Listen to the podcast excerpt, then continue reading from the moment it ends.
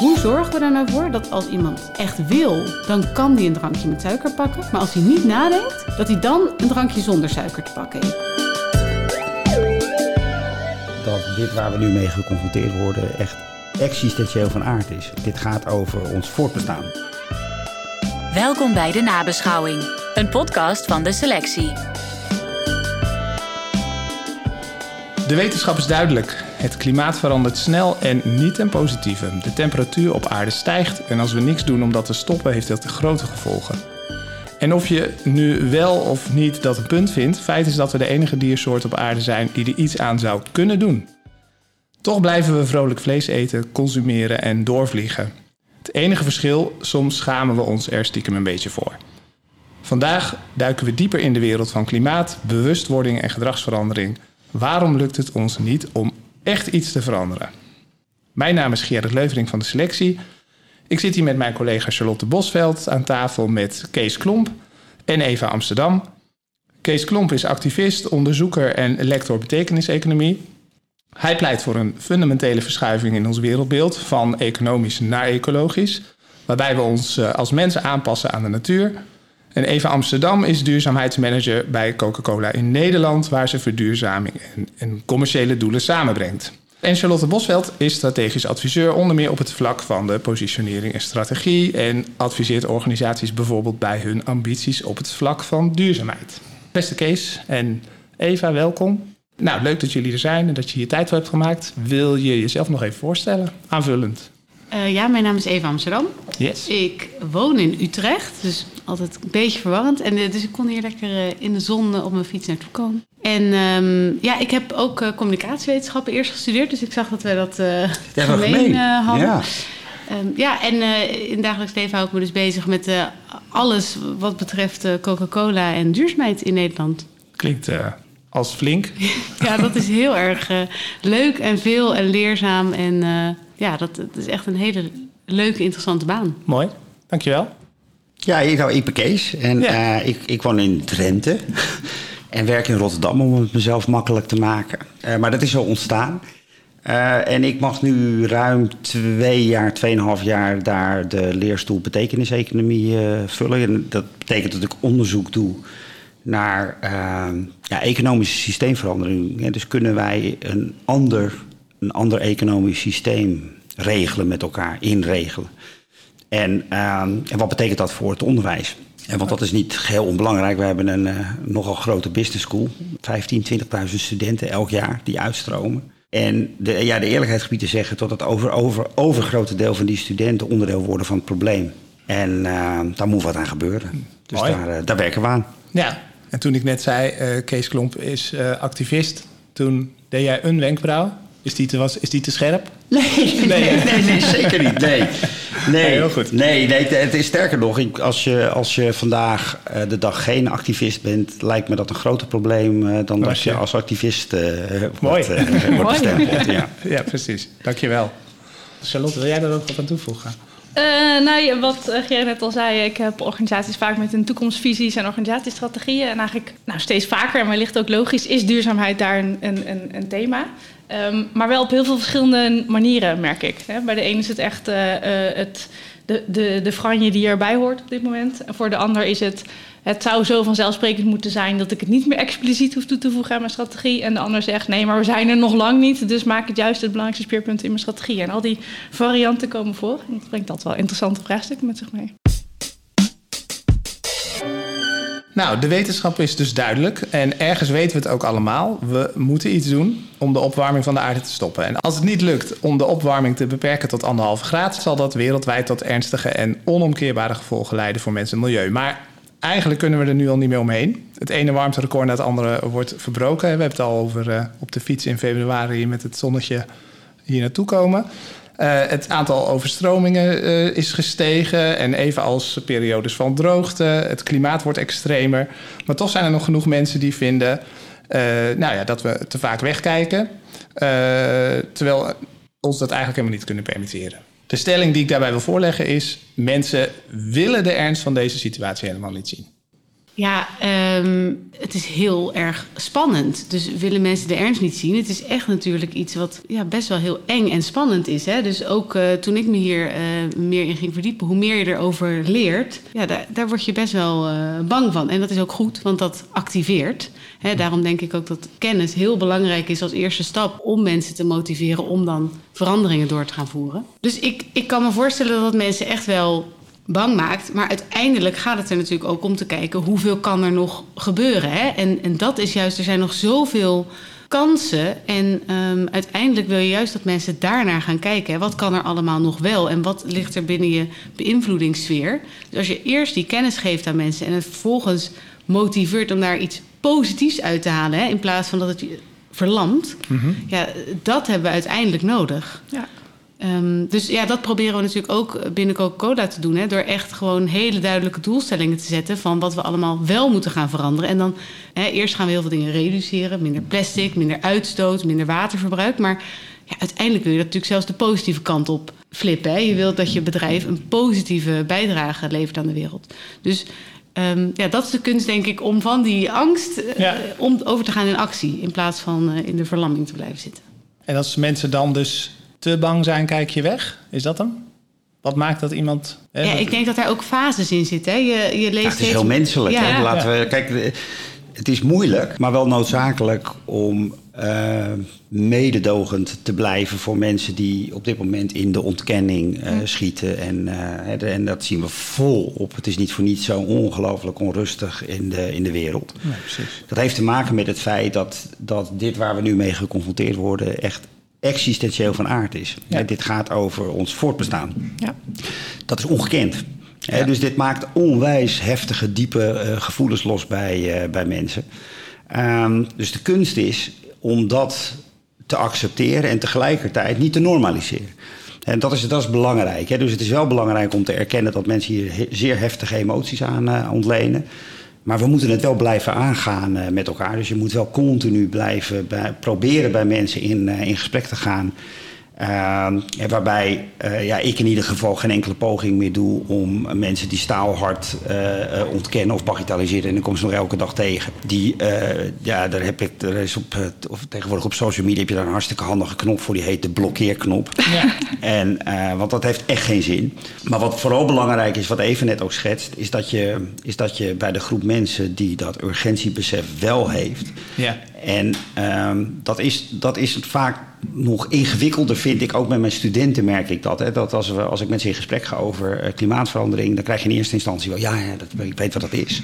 Maar als je ze dan vervolgens vraagt... van wat betekent dat dan voor jou persoonlijk... dan merk je eigenlijk dat, ehm, dat ze eigenlijk niet echt doorhebben wat de gevolgen zijn van klimaatverandering. Hè. Dus dan hebben we gesprekken over ja, klimaatverandering, ja, dat is erg. En vervolgens, hoe, wat denk je van je eigen doel? Nou, eh, dat gaat, nou ik ga hier uh, ja. afstuderen. Ja. En, en met een HBO-diploma, en zeker met de arbeidsmarkt nu, is de kans dat ik een goede baan krijg hartstikke goed. Eh, dan ga ik een leuk huis eh, kopen en nou, dikke prima. Dus Ah, ja. in een soort oude groef verder. de- niet oud als in... eh, nou, nee, maar het is, het is, het, is, misschien? het is meer dat, eh, je op, dat je op dat moment hoort dat er zeg maar tussen dat zogenaamde urgentiebesef en hun persoonlijke beleving nog een kloof eh, Ja, zit. precies. En dat is of een vorm van ontkenning, of er zit een vorm van wensdenken van, ah, gaat wel meevallen, wordt wel opgelost. Ja. Hè, en, eh, Of te groot, te abstract. Je kunt niet overzien. Precies, het, eh, precies. Ja. Hè? En, dat is, en hè, dus wat, wat ontzettend belangrijk is, is wij, wij werken met twee belangrijke con- eh, k- concepten op de, op de hogeschool. Sense of urgency, sense of agency. Dus urgentiebesef en handelingsperspectief. En urgentiebesef gaat, heel, gaat echt over dat je niet alleen maar de data begrijpt... maar dat je het door je hele lijf voelt wat het betekent. En dat is echt iets heel anders. Ja. Ja, dat herken jij toch ook, Eva? Ja, zeker. En ik, ik herken ook dat, ehm, kijk, soms denk ik, oh, het gaat allemaal niet snel genoeg. En dan kijk ik terug en dan denk ik, jeetje, wat is er veel veranderd en snel. Hè? En hoe het nu ook in onze missie en visie van het bedrijf staat, done sustainably. Hè? Dus ook al zijn er nog genoeg punten waarop we dat nog verder moeten doorvoeren. En nog niet iedereen heeft dat echt helemaal in de vingers. Maar dat het daarin staat, dat is wel een enorm Ja, dus- verschil natuurlijk. Ehm, maar dat gesprek erover aangaan, dat, dat blijft lastig. Hè? Want je bent toch iemand die eigenlijk soms wel moeilijk nieuws brengt... als je mensen daarvan door wilt doordringen. Dus ik vind het ook wel heel mooi, uh, bijvoorbeeld een initiatief als klimaatgesprekken. Ja. Hè, dat je Ja. echt mensen leert van, hoe heb je dat gesprek nou? Want Ja. zowel met collega's als met vriendinnen... je wilt mensen ook niet hè, het gevoel geven dat ze iets fout doen... want dan schieten mensen in de verdediging. Je wilt ze handvatten geven, hè, die, dat sense of eh, agency van... Wat kan ik daar nou mee? Hè? Wat, wat kan ik nou pakken om daarmee aan de slag te gaan? En je hebt toch nog dat mensen soms denken...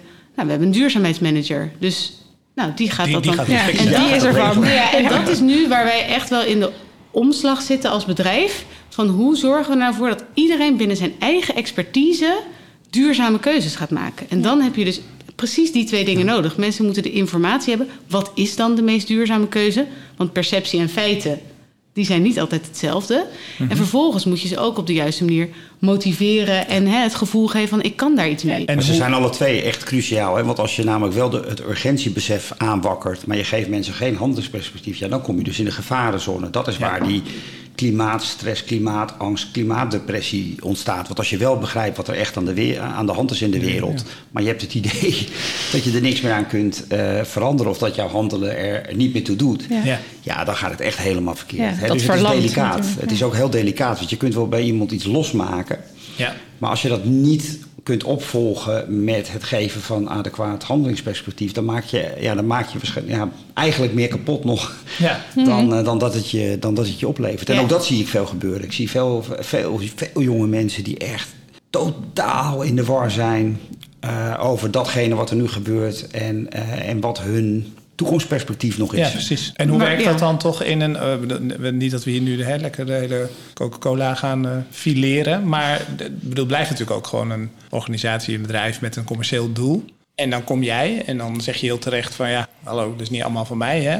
Zit de crux dan daar, van eh, die botsing? Of zit het er meer in de, het wensdenken van... nou, ik snap wel wat je zegt, even, maar goed, hè, laten we wel wezen... gaan wij als Coca-Cola Nederland natuurlijk niet fixen. Ja, het is denk ik een, eh, het is een, een reis. Want we zijn eh, daar niet eh, gisteren mee begonnen, een paar jaar geleden. Ik werk dan specifiek voor Coca-Cola Nederland. En sommige mensen denken nog steeds dat die flesjes eh, uit Amerika worden verscheept. Nou, die worden in Brabant gemaakt. In het Nederlandse suikerbieten voor de helft van onze drankjes, hè, waar nog eh, suiker in zit. En dat maken we, ehm, maken we daar. En dat doen we dan in trucks op biobrandstof. We zijn die fabriek CO2-neutraal aan het maken. Onze flesjes hebben 100% gerecycled plastic. En ook de omverpakkingen. Nou, dat komt voort uit het feit dat je zegt... wij willen in 2040 een klimaatneutraal bedrijf zijn. Daar is heel veel voor nodig. Dus dan moet je echt stappen gaan zetten. En dat zijn misschien nog wel... Ik wil niet mensen beledigen, want dit heeft allemaal veel werk gekost. Maar bijna de makkelijke dingen. Hè? Dus eh, gerecycled plastic kopen in plaats van nieuw plastic. Kost wel meer dan het dubbele, maar je kan het makkelijk doen. Ja. Fabriek CO2-neutraal maken, gasboiler eruit, e-boiler erin. Het is een groot project, maar je draait nog steeds je fabriek op dezelfde manier. HV100 brandstof, eh, dat kan gewoon in de, in de truck. Kan het iedereen aanraden. Het is wat duurder per liter, maar het Ja. geeft eh, tot 90% minder CO2-uitstoot. Maar die volgende stappen, die gaan natuurlijk moeilijker worden. Dan heb je iedereen's expertise nodig. En creativiteit. En creativiteit, want wij willen ook eh, dat een groter deel van onze drankjes in hervulbare verpakkingen komt te zitten. Maar dat is echt een andere manier van business doen. Hè, dat is al zo voor onze horecaflesjes. Die Precies. worden al 27 keer opnieuw gevuld. Hè. Die gaan terug naar onze fabriek, die vullen we. Eh, we hebben veel producten in het statiegradsysteem. Maar echt dat omdenken met tapsystemen, met, met Geen, herbruikbare... überhaupt geen water meer verslepen, want dat hebben we al op locatie. Precies, hè? dus eh, mini-fabriekjes op Ja, een plek precies. waar je je drankje tapt. Maar dat vraagt ook verandering van de consument. Hoe doe Ja. je dan marketing? Wij zijn zo gewend om mensen eh, een mooie beleving te geven. En een lekker drankje, gemak. En nu moeten we gaan omdenken van... hoe gaan we nog steeds dat soort van aanmerkkwaliteit bieden... Maar we gaan ook wat meer van mensen vragen misschien. Hè? Van, van ze moeten zelf die cup vullen of hun eigen flesje. Of... Nu komt Nu het wordt het moeilijker straks. Hè? Ja. Maar dat is ook heel herkenbaar. Hè? Dus je, je, je, als je het over transities eh, hebt, moet je een onderscheid maken tussen incrementele interventies en transformationele interventies. En incrementele interventies zijn eigenlijk alle interventies waarbij je je huidige doen en laten verlengt. Maar met de inachtneming van alle mogelijke zaken die je daaraan kan bijdragen. En transformationeel betekent dat je echt rigoureuze stappen gaat nemen en jezelf eigenlijk opnieuw gaat uitvinden. En ieder bedrijf moet eerst door een incrementele fase heen voordat het tot de transformationele fase komt. Het, het komt eigenlijk bijna niet voor dat een bedrijf in één keer uh, over de streep gaat en zegt: Nou, weet je wat, we, we, we stoppen. Alles anders. He, en, dat, en, en, en het, het, mooie is om te zien dat er steeds meer bedrijven uh, zijn die ja, eigenlijk ook nu op, de, op, die, op die omslagfase zitten. En tot steeds ja, gedurfdere en grotere interventies komt. Hey, ik, ik, hoor, ik hoor grote retailers opeens over degrowth-strategie te praten. We gaan minder verkopen en daarmee gaan we niet minder winst maken, maar we gaan onze bedrijfsvoering anders inrichten. Ik hoor vleesproducenten die het over 2035 hebben en zichzelf als een plantaardig bedrijf uh, zien. Uh, dat, is, dat zijn dat wel zijn echte, mooie dat zijn wel echte, uh, ja. ja. dat zijn echte interventies. Alleen ja, dat heeft wel tijd nodig. Ja. Ik heb dan het geluk dat ik werk voor een bedrijf dat dus die eerste stappen daar ja, gewoon enorm achter staat. Ik kom met zo'n idee en er wordt meteen ja tegen gezegd. En eigenlijk ook tegen die grotere stappen. Maar die vergen gewoon nog veel meer denkkracht. Hè? Hoe ga je dat doen op een manier dat mensen niet in de, in de stop gaan? Ja. Bijvoorbeeld als het dan gaat over hervulbare verpakkingen. We hebben bijvoorbeeld dan zo'n tapsysteem staan op een universiteit in Amsterdam. Dan denk je, nou, dit is de juiste doelgroep. Die hebben allemaal een fles bij zich. We hebben het goedkoper gemaakt dan de, dan de verpakkingen in bijvoorbeeld een statiegeldflesje. En toch is dat echt moeilijk. En dan heeft onze klant het ook moeilijk, hè? want die wil ook drankjes blijven verkopen. Ja. Want dat is ook onderdeel van zijn business. business ja. En wij willen dat op een duurzame manier doen. En we, en we zijn echt helemaal aan het kijken van hoe kunnen we nou wat ik zeg, door het goedkoper te maken, door de communicatie aan te passen, door het makkelijker te maken. Ja, dat, dat zijn echt mooi, ook mooie uitdagingen. Ik bedoel, Coca-Cola, als iemand het moet kunnen om, om duurzaamheid op die manier ook te vermarkten, dan denk ik dat Coca-Cola dat zou moeten zijn. Ja. Maar daar is dus veel creativiteit voor nodig. En ja. de motivatie is en de doelstellingen liggen er ook. Hè. Dus we, we hebben nu gezegd van in 2030 dat 25% van onze drankjes in ieder geval in zo'n hervulbare uh, verpakking zit. Um, en de rest zit nu bijna straks allemaal in het statiegeldsysteem. Dus wel met hernieuwbare materialen. Maar dus, dus dan moet je ook wel, hè. Dat is de, de grote kant hè, van de bedrijven en de grote interventies. En we hadden het ook al even over de kleine kant. En dan is het natuurlijk interessant hè, van uh, wat kunnen we nu dan? Hè? Zijn er oplossingen, denkrichtingen? Of, ik ga hem toch even zeggen, is dit eigenlijk al onoplosbaar inmiddels? Zijn wij allemaal de spreekwoordelijke kikkers in de uh, pan die dus steeds heter wordt, letterlijk. Kortom, wat is nou echt voor nodig om dit succesvol aan te pakken en op te lossen? En de stelling daarbij is alle kleine beetjes helpen. Jij zei al, ik richt me op de mensen die het snappen en wel willen eigenlijk. Hè? Um, dus wanneer je als individu wat klimaatbewuster leeft, flexitariër wordt, net even wat minder vliegt, is het eigenlijk wel voldoende, want de rest gaat dan vanzelf volgen. Nou, ik, ik vind dat altijd een hele interessante vraag. Want dan kom je ook een beetje op dat stuk van ligt het bij de consument, ja. hè, die zelf wat, wat positievers gaat doen, of de bedrijven of de overheid. Het zijn natuurlijk allemaal mensen. Mm -hmm. hè, dus als iedereen niet alleen maar zegt: Oh, maar ik ga geen vlees eten, maar vegetarisch. Maar ook binnen zijn functie dus gaat kijken van hoe kan ik daar duurzame keuzes maken. Of je nou in de politiek werkt of bij een bedrijf of bij een uh, NGO. Dan zijn het misschien wel kleine stapjes. Maar als je die op alle verschillende vlakken van je leven zet, dan valt daar natuurlijk wel wat impact te maken. En ik ben heel erg gefascineerd de laatste tijd door de concepten. Uh, je hebt je klimaatvoetafdruk. Hè? Dus letterlijk wat je doet. Of je hierheen komt nu dus op de fiets of met de auto of de elektrische auto of de trein. En je klimaatschaduw. Dus hè, wat, oh ja. wat laat je achter? Nou, de hoeveelheid studenten die jij bijvoorbeeld beïnvloedt. Ja, daar kun je eigenlijk een veel grotere mm -hmm. impact maken dan of jij zelf vanavond ja. vlees eet of niet. En dat vind ik ook nog wel een, een, hele interessante. Van dat, dus dan lijkt het misschien alsof we zelf kleine stapjes zetten.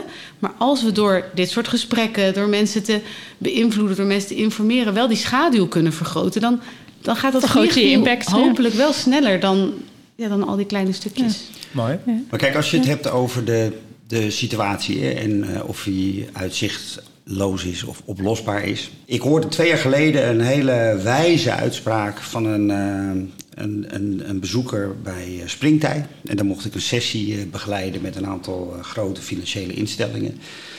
En, uh, en, je kon heel erg merken aan de respons dat de financiële instellingen vooral wilden benadrukken dat ze ontzettend hun best aan het uh, doen waren. Uh, maar er werd niet zoveel gezegd. Laten we daarop houden. Ja. en op een gegeven moment sta, stond er een student op en die was er klaar mee. En, uh, en uh, die zei van, verdomme, jullie hebben het wel over mijn toekomst. En die stelde iets voor. En dat werd heel ongemakkelijk op dat uh, moment. Maar ik vind het eigenlijk tot op de dag van vandaag een van de meest zinnige dingen die ik heb gehoord. Zij zei, we moeten stoppen met net te doen alsof we deze situatie kunnen gaan oplossen of voorkomen. We moeten er eigenlijk van uitgaan dat deze situatie onoplosbaar is en elke dag een, beetje erger gaat worden.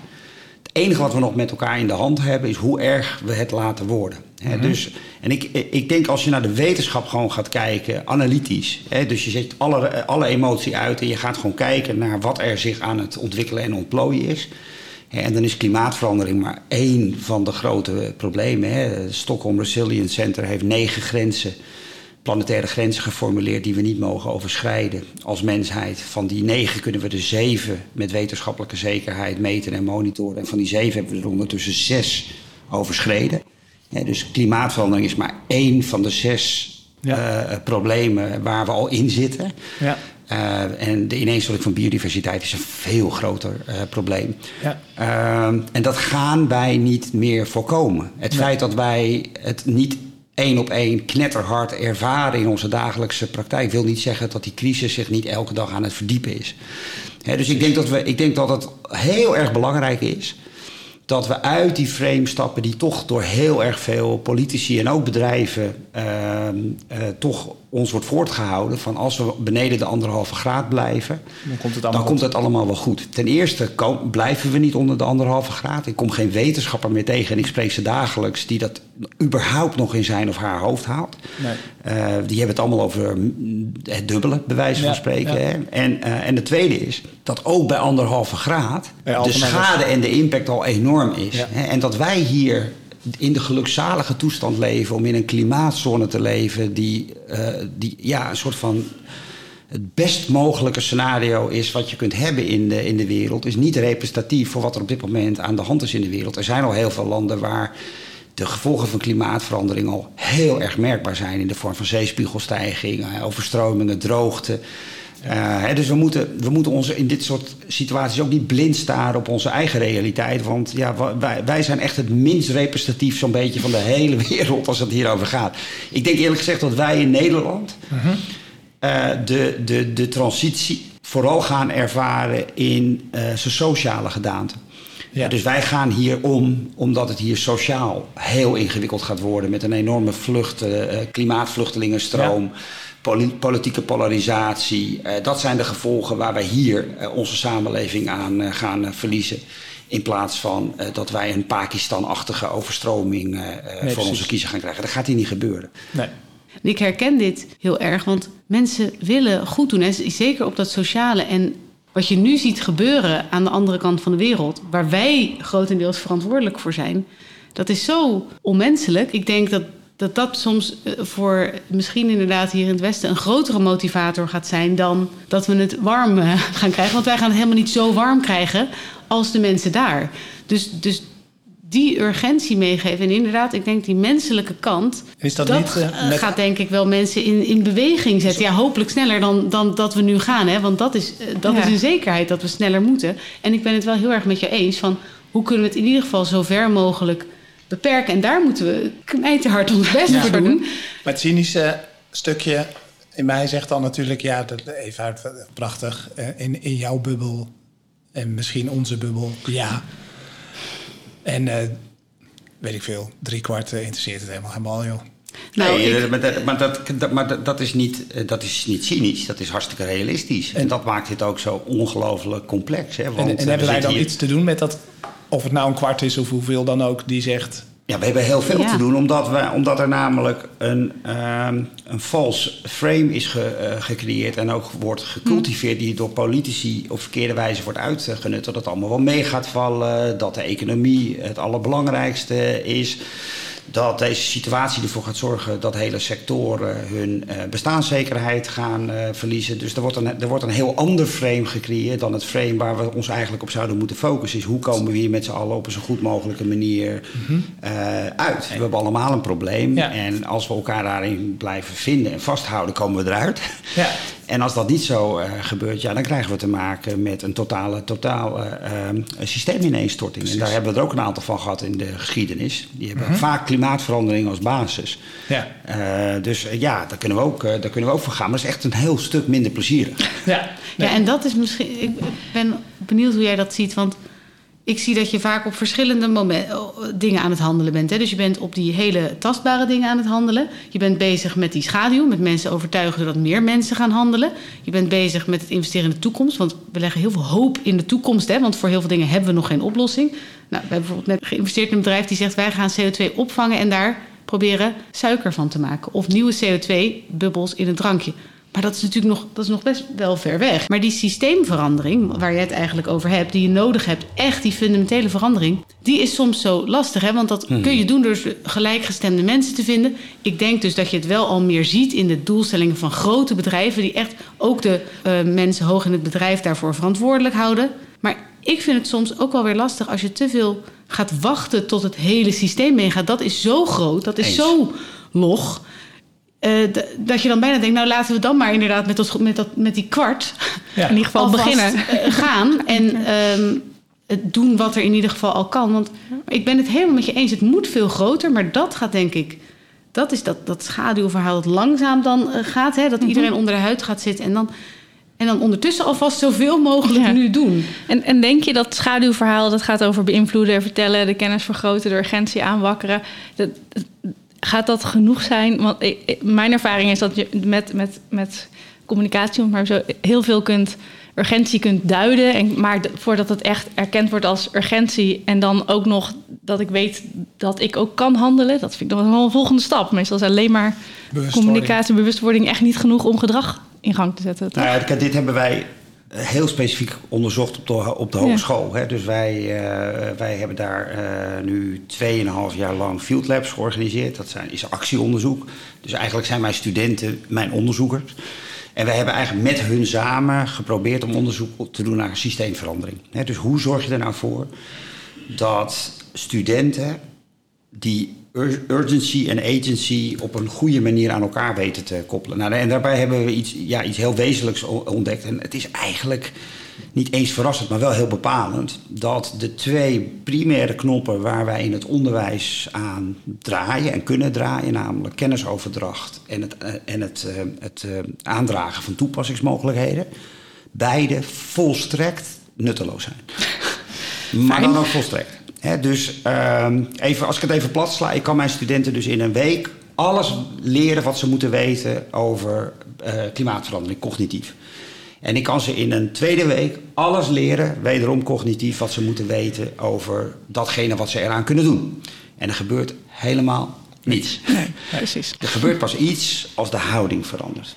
dus willen is, is essentieel. Mm -hmm. En dan kom je bij de grote problematiek dat willen als je het hebt over communicatie en we hebben het over marketingcommunicatie, dan zijn we dat natuurlijk. Hè, dat, dat, als je gaat kijken naar verkopen en eh, het vermarkten zeg maar, van, uh, van systeemverandering, is echt ongelooflijk ingewikkeld, omdat klimaatverandering gewoon geen aantrekkelijk product is. Om het maar even zo te zeggen. De veranderingen zijn niet positief, de vooruitzichten zijn niet positief. Ja, dus wat wij, wat wij proberen te ontketenen, en dat lukt, is dat studenten zich geroepen voelen. Er is altijd een aantoonbaar moment waarop er iets gebeurt, waarop iets maatschappelijks persoonlijk wordt. dus er is mhm. altijd een internaliserend moment. Uh, dat, wordt in, dat wordt dan in, uh, in, in de wetenschap een existentiële levensgebeurtenis genoemd. Mm -hmm. En het interessante is dat je die wel kunt creëren. dus het is, het, ik kan niet bepalen wanneer jullie aangaan, wanneer je geroepen bent. Maar we weten wel dat mensen geraakt worden door onder bepaalde omstandigheden, door bepaalde uh, problemen. En dat, dat zijn wij nu aan het, aan het, aan het cultiveren. Omdat uh, ja, gebieding en verbieding werken allemaal niet. Nee. Maar mensen echt proberen te laten begrijpen wat het betekent als de zeespiegelstijging anderhalve meter gaat worden. Wat het betekent als uh, 65, 70 procent van al het uh, dierlijk leven uh, verdwijnt. Hè. En dat, dat, dat is, de, denken wij, de crux. Eigenlijk merken we het al terwijl we zo uh, aan het praten zijn. Dan komen we ook al gauw te praten in termen van uh, psychologie, gedrag, verandering, uh, gevoel van urgentie. wet en regelgeving tipt wel heel even zo aan. Ehm, want ondanks alle informatie over de gevolgen van de opwarming van de aarde, lukt het dus niet om op grote schaal al iets te doen. We blijven vliegen. Er komt vooralsnog geen vleestaks. En zelfs de doelen van de klimaattop zijn de laatste keer nog naar beneden bijgesteld. Dus grootschalige gedragsverandering blijft voor ons nog uit. Tenzij natuurlijk de gasprijs omhoog schiet om een hele andere reden. Um, en ook eigenlijk stevige wet of regelgeving komt lastig van de grond. Dus de stelling die ik daarbij wil voorleggen is... er wordt veel te veel verantwoordelijkheid gelegd bij consumenten... zoals jij en ik of studenten... Uh, terwijl heel veel organisaties en bedrijven de, dans ontspringen als ze zelf niet iets willen doen. Uh, want vervuilen is eigenlijk nog steeds nagenoeg gratis. Ja, um, nou kijk, je merkt natuurlijk echt wel dat er vragen aan ons worden gesteld als groot bedrijf. Hè? En dat is ook heel erg logisch. En dan ga je nadenken van oké, nou bijvoorbeeld uh, gerecycled plastic in de flesjes. Er zijn ook flesjes op de markt die niet van uh, 100% gerecycled plastic uh, worden gemaakt. Maar moet je die dan nog wel allebei aanbieden? Of moet daar dus een standaard zijn? Hè? Dat, dat, dat een consument daar dus niet over na hoeft te denken. En gewoon erop kan vertrouwen van ik pak iets en dat is het juiste. Wij verkopen drankjes met en zonder suiker. Die staan altijd naast elkaar. Hoe zorgen we er nou voor dat als iemand echt wil, dan kan die een drankje met suiker pakken. Maar als hij niet nadenkt en hij pakt blind, dat hij dan een drankje zonder suiker te pakken heeft. Wat ik in het kader van, van jouw branche interessant vind, is uh, de, daarom vroeg ik dat net ook even, van de, de, de dynamiek met het commerciële. Kijk, zolang het over cola gaat en, en we willen cola drinken, al dan niet met suiker, en uh, daar, nou, daar kan ik nog iets aan doen als bedrijf, volg ik hem helemaal. En op het moment dat je gaat zeggen, uh, nou, moet die cola inderdaad überhaupt nog in dat flesje daar zijn, dan zijn we alweer een stapje verder. Hè? En kan, gaat de consument dat verzinnen of wat ook heel populair is bij politici, is. Uh, uh, nou, als, als de consument er niet meer om vraagt, gaan bedrijven daar vanzelf naar handelen. En dan denk ik altijd, ja, nee, dat vind, die vind ik makkelijk. Hè? Uh, maar nog een stap verder ga, je, ga je ook nog. Je, je, kun je zeggen, nou, dat gaat dan nog over cola. Een collega van jou is een Belgische bottelaar. Die hoorde ik in het vertellen van ja, ik heb heel lang aan de bottelingskant gewerkt. En op een gegeven moment bedacht van waarom halen wij in godsnaam in de Ardennen bronwater naar boven? Dat doe ik in een flesje. Dat gaat naar een distributiecentrum aan de andere kant van België. Dan gaat het terug naar een supermarkt hier in de Ardennen. Dan koopt iemand het, die drinkt het leeg, die brengt het flesje terug. Dat gaat weer naar dat distributiecentrum. Dat gaat weer terug naar de Ardennen en doen we er opnieuw water in. Uh, dus Coca-Cola snap ik nog. Ja. Maar water in een flesje verkopen is volgens mij gewoon een puur commercieel plan, toch? Zeker hier in Utrecht bijvoorbeeld, met fantastisch kraanwater. Zou ik zeggen, nou, moeten we niet meer doen. Maar is dan de consument aanzet om te zeggen, ik koop het niet meer? Is dat bedrijf aanzet om te zeggen, nou, ik ga nog wel Coca-Cola verkopen, maar met water in flesjes, daar kap ik mee? Of moet de overheid zeggen, weet je wat we niet meer gaan doen, water in flesjes verkopen? Kijk, en dan kom je, dan kom je bij een, uh, een, een, soort van metafysisch probleem, maar wel heel reëel. Hè? Dat we, we, we leven natuurlijk in een samenleving die na 75, 80 jaar neoliberalisme... Ja ja, eigenlijk kan de overheid de burgerbelangen alleen nog maar behartigen via de markt. Ja. Via bedrijven. Precies. He, want de economie is zo ontzettend dominant uh, geworden dat eigenlijk alles in onze samenleving draait om, om economie. We hebben een totaal vereconomiseerde samenleving. Uh, en dat maakt het ook zo ongelooflijk ingewikkeld, ook voor die bedrijven. Hè? Want Precies. Uh, Ja, die ja. overheid, die, wat jij zegt, die level playing field even, dat is Ja. echt iets, dat, dat hoor ik dat bijna dagelijks. Uh, en het is, het is bijna op het gênante af dat bedrijven de overheid erom moeten vragen. En, uh, ja. en dus, maar kijk, ik, ik ben alleen wel heel hoopvol gestemd over dit onderwerp. En dat heeft te maken met een, uh, een andere ontwikkeling. Ik denk dat dit de allerbelangrijkste ontwikkeling is, eerlijk gezegd, die op dit moment plaatsvindt in de samenleving en zeker in de relatie tot het bedrijfsleven. En dat is, de, dat is het recht, de wet. Hè, dus wat je ziet, is dat er een steeds grotere groep mensen ontdekt dat we via de rechter en via de wet dingen gedaan kunnen krijgen die de overheid laat liggen. Ja. Dus uh, ik, ik, ik, ik wil er twee uithalen die wat mij betreft alles bepalend gaan, uh, gaan, gaan worden. En die waarvan ik ook oprecht denk dat ze bedrijven gaan helpen. Mm -hmm. uh, omdat, het gewoon, omdat het gewoon duidelijk wordt. Dus de, de eerste is de opkomst van die natuurrechten, Ja. rechtszaken.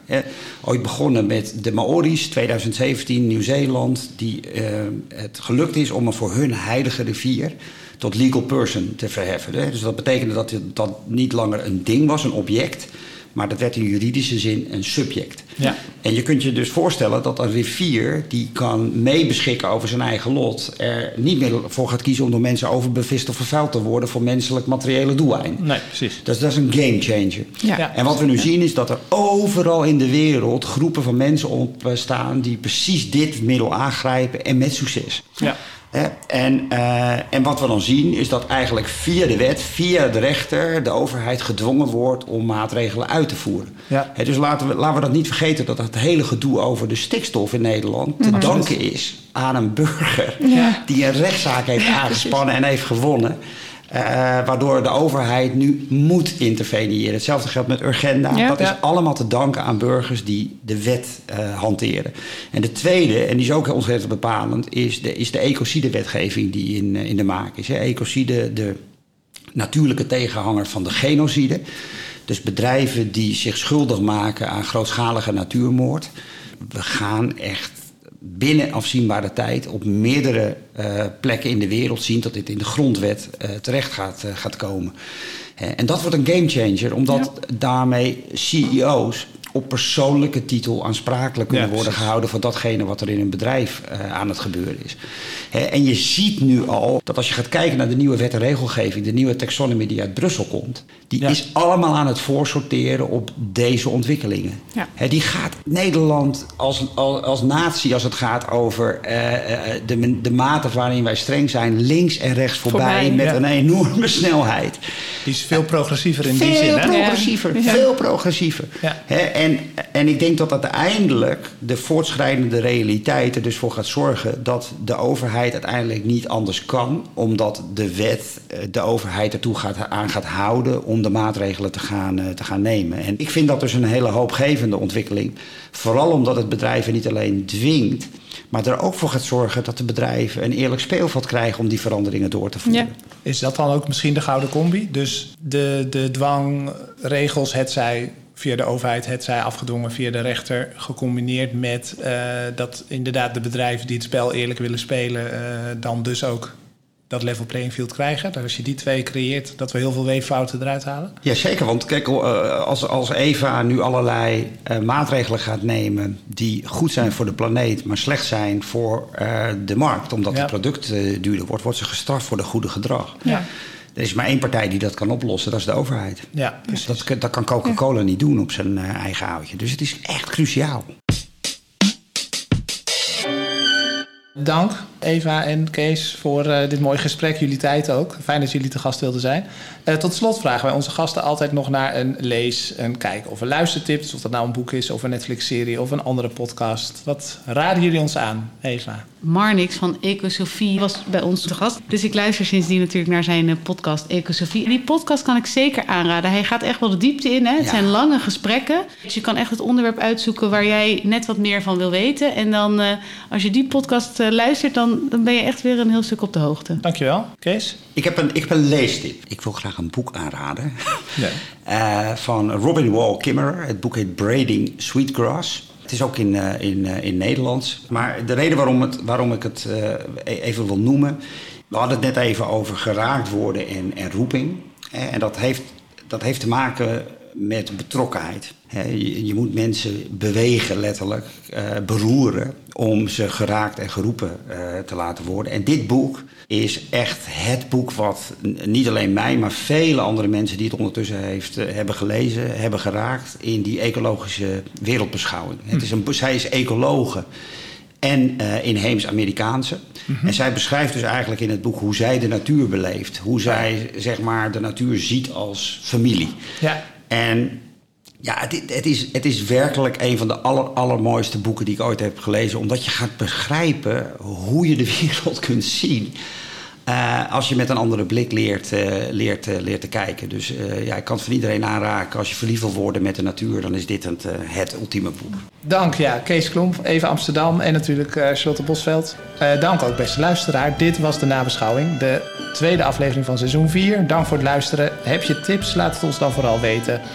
Laat een fijne review achter of deel deze podcast met anderen... zodat meer luisteraars ons weten te vinden. Mijn naam is Gerrit Leuverink en ik speel met nummer 10 voor de selectie. Tot gauw.